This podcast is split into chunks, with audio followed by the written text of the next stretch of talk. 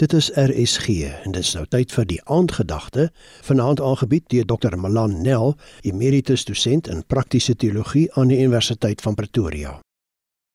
My tema hierdie week is mos nou om te help om uit Efesiërs hoofstuk 1 vers 3 tot 14 te verstaan dat God se genade maak die lewe ryk.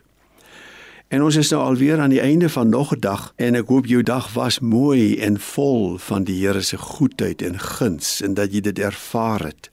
Maar mens voel aan baie skaam aan die einde van die dag omdat jy maar weer soos 'n arm mens geleef het wat vir God nie ken nie en hom nie liefhet nie en hom nie dien nie. En ek wil vanaand net nog een keer weer 'n keer konsentreer daarop dat Christus die hoof is van die aarde en dat ons onder hierdie een hoof staan. Ek lees sommer net weer 'n deel van vers 10 en 11. Sy bedoeling was om alles wat in die hemel en alles wat op die aarde is onder een hoof te verenig, naamlik onder Christus. Deur Christus het ons deel geword van die volk van God, soos hy dit vooruit al bestem het. Ons word in ons teksgedeelte aanhoudend genoem. En ek wonder of ons nie baie keer iets mis deur darm maar in ons persoonlike verhouding met die Here net te dikwels ek te sê nie asof ons iets mis van dat ons onder hierdie hoofse sorg lewe. Ek is deel van hierdie ons en ek vind ook 'n groot stuk my vreugde in hierdie ons.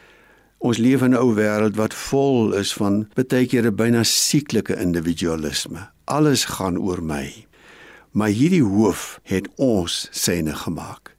Ek het dit vroeër al gesê, ek is net nie sy enigste kind nie, toe ons in die vorige verse geleer het dat ons ook God se kinders is.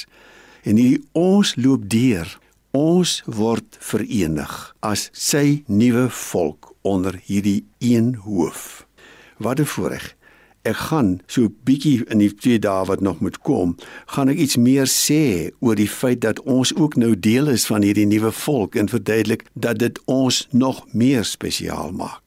Kom ons sê dankie, ons het 'n hoof. Dankie Here Jesus dat U die hoof is van die aarde en van die kerk. Ons hoof ook in hierdie nag. Amen. Dit was die aandgedagte hier op RSG, aangebied deur Dr. Malan Nel, emeritus dosent in praktiese teologie aan die Universiteit van Pretoria.